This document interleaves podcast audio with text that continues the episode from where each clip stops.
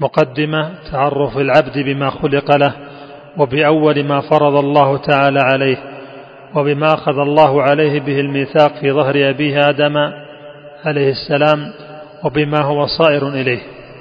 اعلم بأن الله جل وعلا لم يترك الخلق سدى وهملا بل خلق الخلق ليعبدوه وبالإلهية يفردوه. أخرج فيما قد مضى من ظهر آدم ذريته كالذر وأخذ العهد عليهم أنه لرب معبود بحق غيره. وبعد هذا رسله قد أرسل لهم وبالحق كتاب أنزلا لكي بذا العهد يذكروهم وينذروهم ويبشروهم. كي لا يكون حجة للناس بل لله أعلى حجة عز وجل.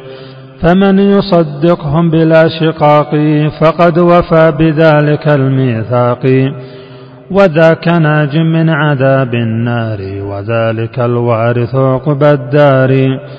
ومن بهم وبالكتاب كذب ولازم الإعراض عنه والإباء فذاك ناقض كلا العهدين مستوجب للخزي في الدارين.